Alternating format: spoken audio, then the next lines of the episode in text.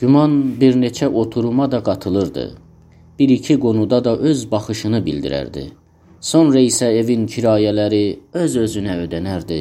Ya savak biləsinə ev alardı, ya da ingiliscəsin bitirərdi, başqa ölkələrə yola çıxardı.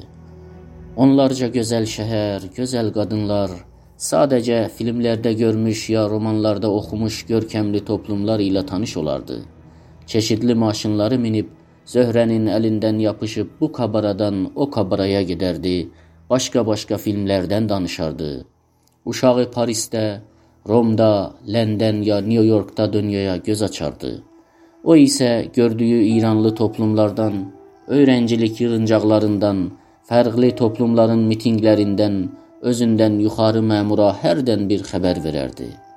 Elə bu. Bu qədər kef verici, macəralı həyatın qarşılığında yalnız bir neçə sadə raport. Bunları sorğuçu ona demişdi. Savakda olmağın nə qədər çəkici olmasından saatlarca danışıb onun beynini doldurub demişdi. İstəyir əməkli olduqdan sonra Amerikaya getsin. Səfərlərinin birində San Diego'da bir yer almışdı. Rəhmət ilk dəfədir San Diego'nun adını eşidirdi. Sorğuçusu demişdi, bu şəhrin yaxınlığında əkinçilik edib əməkçilik gəliri ilə uşaqlarını Amerikalı biçimdə böyüdəcək. Amerika yaşamından anlaşılmaz, həm də gözəl bir şəkil rəhmətə çəkmişdi. Rəhmət isə səssiz dinləmişdi. Hərdən maraqlanıb bir neçə soru da sormuşdu.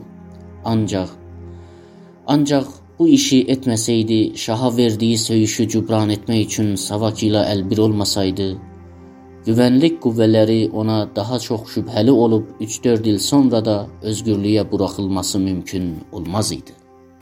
Hələ genel dostaqlar tutsaqların danışıq davranışlarına görə savaq görəvlilərinə xəbər verən çeşidli dostaqçılarla dolu idi. Ola bilərdi, o da yanlış iş görüb tutsaq illərində dövlətə qarşı pis sözlər ağzına gətirsin. İnsan hər zaman öfkəsinin qabağını ala bilməz ki. O zaman arvadının başına nə oyun gələcək? Ola bilərdi tanıdığı yoldaşlarından 3-4-ü onun arvadına yaxınlaşsınlar. Öncə arvadına əllərindən gəlsə yardım etmək istəyi ilə. Ancaq bu işi yardım edənin yaşam, iş, toplam, həm də ailəvi abır getməsində qorxmalarına görə özgələrin və özəlliklə savaq görəvlilərin gözlərindən gizlin etməliydilər. Ancaq Yoldaşlarından ikisi qadınların ürəklərini ələ gətirmək üçün çeşidli yolları sınayıb, özlərin siyasi baxımından xətərə salmadan, özgənin arvadın, hətta bir siyasi tutsağın arvadın da yoldan eləməsini yaxşı bacarırdılar. Bu iki nəfərin gözaltı arvadının üzünə həm də əndamına baxmasından onlara güvənə bilmədiyini anlamışdı. Ancaq özü bayırda olanda özgür olmağından və hər şeydən önəmli aşırı özgüvəndə olduğundan dolayı o iki nəfərin hər zaman bəlli olunmuş cızıqlarından aşmasının qarşısında dayanardı. Amma indi bunun olanaqsız olduğunu yaxşı anlayırdı.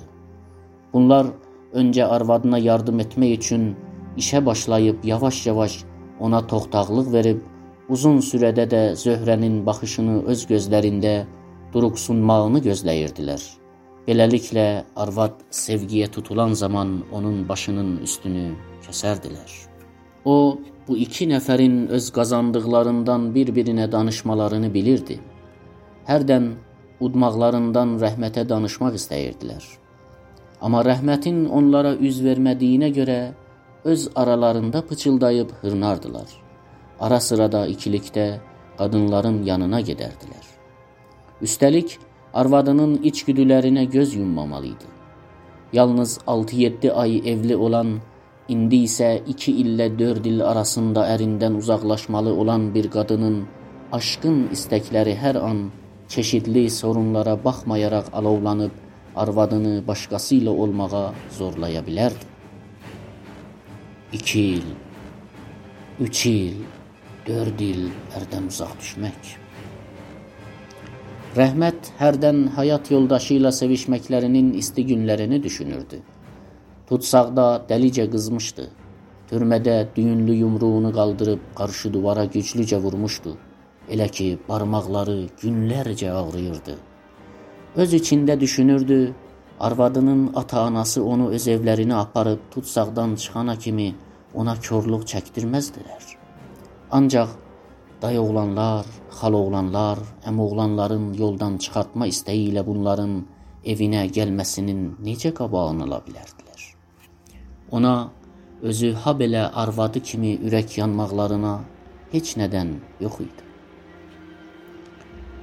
Belə bir gözəl qadından daha yağlı yem ola bilməz. Duvarlar, dəmir qapılar, ıslaq törmələr, çeşidli qurallar, ağır yasalar, qalın qovluqlar, brezentlə lastikdən olan pərdələr, buruq pillələr, yola gətirmə otaqları, gözətçiliklər, hamısından üstəlik qaşqabaqlı, sinirli, girə keçmiş, öfkəli adamlar ərini ondan ayırıblar. Hələ Hansı duvar, gözətçi, quruluş arvadının qabağını tutacaqdı? Arvadı özgür idi. Arvadının içgüdüləri evdə, toplumda, başqalarının evində, xiyavanlarda, qaranlıq gecələrdə, eyvanların altında, qapıların dalında özgür idi. Tutuqlanmasının ilk həm də şiddətli sarsılması, 2-dən 4 iləcən tutsaq qalması, arvadının ruhuna etkisiz olduğu zaman o neçə il sürəsində ərin uzaq olması, dilinin qabağının ala bilməyib ölkənin şahına yaman deyən ərin qarşısında yoldaş tutmaqdan daha yaxşı nə ola bilər? Yaşamı daha dözümlü edərdi.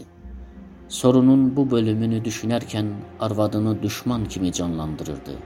Zöhrənin necəliyi dəyişirdi. Bir sevgiliyə dönüşüb başqasının arvadı olmuşdu. Yox, olmazdı. Bunun adı arvadının üstündə ola, amma işdə bununla xoşlanmasını başqasıyla da danışa, ya elə bu dadı başqasıyla apara. Rəhmət istədi sağ əlini yumsun. Hiss etdi, ola bilər əl qandalın halqasını daha dar edə. Arvadının yanında oturanan başı gicəlirdi. Amma bu neçə ay dostaqda olduğu sürədə heç bir zaman beyni kəsin bir qərar verməyə görə bundan daha aydın ola bilmədiyini hiss edirdi. Kəsin qərarı dəyişməz, düzgün, həm də gedər gəlməz idi. Arvadının hər iki əlini də sol əlinə aldı. Əllər balaca, yumşaq, həm də incə idi. Buna görə də rahatcasına onun bir əlində yerləşirdi. Bax, İstəyirdim bu dönə görüşdüyümüzdə sənə bir önəmli qonunu açıqlayam. Qonu çox önəmlidir. Bizim ikimizə də yaşamsaldır. Sən dediyin söz kəsin doğrudur. Bəlkə də mən 2-dən 4 ilədək zindanda qalam. Və 2 ildən 4 ilədək özünə görə bir ömürdür. Evləndiyimizdən neçə ay sonra bu işlərin qabağımıza çıxdığı üçün çox üzgünəm. Ancaq Sən özün bilirsən bu işləri mən bilə-bilə görmədim. Bu elə bir iş deyil adam bilə-bilə görə. Quyuya düşdüm. Elə bu. Ancaq belə quyuya düşmək mənim suçumdur. Heç dilimin də suçu deyil. Sinirlərimin suçudur. Yəni öz əlimdə deyildi. Özüm bilmədən ağzım açılıb öcür bir söz dedim. Hələ bilmirəm 2 il ya 4 il sonra nə olacaq? Öz yaşamını düşünməlisən. Sən gənc, gözəl, həm də sağlam bir qadınsan. Özünə başqa, həm də bundan yaxşı bir gələcək seçə bilərsən. Mən dostaqdan atana bir vəkalətnamə göndərib biləsinə boşanmağımız üçün əlini açıq qoyaram. Rəhmət demək istədiyi sözləri qarma-qarışıq olsa da hamısını dedi. Başını aşağı saldı. Bilirdi, sorğuçu istər-istəməz sözlərindən bir şeylər anladı. Ancaq bir cəndli hər şeyi elə qadını sol əlində eşitdiyi kimi bu da sağ əlindən eşitmişdi. Bir cəndli sol əlini belinəcən qozadı. Rəhmətin sağ əli də istəmədən yuxarı çəkildi. Elə bil əli gövdəsindən ayrılıb bir cəndlin gövdəsindən bir parça olmuşdu. Arvadı ilkdə bir söz demədi. Elə bil bu sözlər dedildikdən sonra hələ onların anlamın başa düşməmişdi. Ya anlamlar dilə gələndən sonra səssizlik onları sındırandan sonra bir gerçəyə çevrilib Zöhrəyə köçürüləcəkdi. Sağ əlini Rəhmətin sol əlinin üstünə qoydu. Rəhmət diksindi. Arvadı ucadan ağlamağa başladı. Heç utanmadan hıçqırıqla ağladı. Rəhmət heç bilmirdi arvadı belə də ağlaya bilər. Arvadının özəlliklərinin tanıması üçün birlikdə olan yaşamları o qədər uzun sürməmişdi. Rəhmət arvadına baxmaq yerinə başını döndərib qapıya göz dikdi. Sanki bir nəfər Zöhrənin ağlamaq səsini eşidib qapını açıb içəri gəlib otaqda oturan dörd nəfəri də üzüntüdən qurtaracaq. Bircəndli gözlərinin fəqət ağı görünərək əlini qovzayıb nizami şalvarının qayış toqqasına qoyub gərəksiz kəmərini yuxarı çəkdi. Sorğuçuya sarı döndü. Onu başını iki əlli tutmuş masanın üstünə baxaraq gördü. Sanki görünməmiş ilgi ilə bir mətnin fəlsəfi sorunun araşdırırdı. Rəhmət özü bilmədən dedi: "Ax nə edə bilərik? Ola bilən tək yol budur." Arvadı hıçqırtının arasından dedi: Atam da elə bunu deyir. Ona baxmayaraq anam deyir yaxşıdır məhkəmənin sonucuna qədər gözləyək görək nə olur. Amma amma mən səni ilə yaşamağı sevirəm. İllərcə edə bilərəm gözləyəm.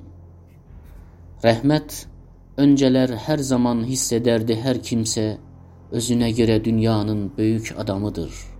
Özünün də bu qaydadan ayrıcalı olmasını düşünmürdü. İndi isə görürdü başqalarına, qanuna, bir bölgənin bütün xalqına bir nəfər hamıdan dəyərlidir. Sanki onun qabağında başqaların ayaqlar altında əzilmiş bir qarışqa qədər dəyərləri yoxdur. Öz-özünə deyirdi, hər kimə yaman demişdim, özür dilərəm, o da qəbul edər. Qəbul etməsə də iki dənə qulağımın dibinə vurardı, ya da dediyim yamanın üstünə yüz dənə yaman qoyub özümə verərdi. Ya da Avropanın geçmiş dövrü kimi duelə dəvət edərdi. Eşitmişdi Rusiyanın devrimindən sonra sürgün şahzadaları ya qaçaq ruslar Avropada eynən 19-cu yüzülə tay indi də hər zaman anlaşılmazlıq yarananda ya sayğısızlıq duyanda o biri tərəfi duelə çağırardılar.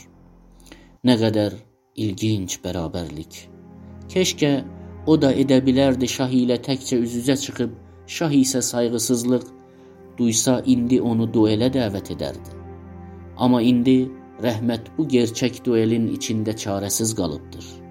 Şah bütün qanunları ilə medallar, qulluğundakılar, qoşun, savakçılar, tacirlər, zənginlər, bürokratlar, ədəbərkanlı adamlar, radio, televizyon, şahın arvadı, anası, qardaş, bacıları, həm də onların gözəl görünüşləri bir tərəfdə idilər, o biri tərəfdə isə o idi.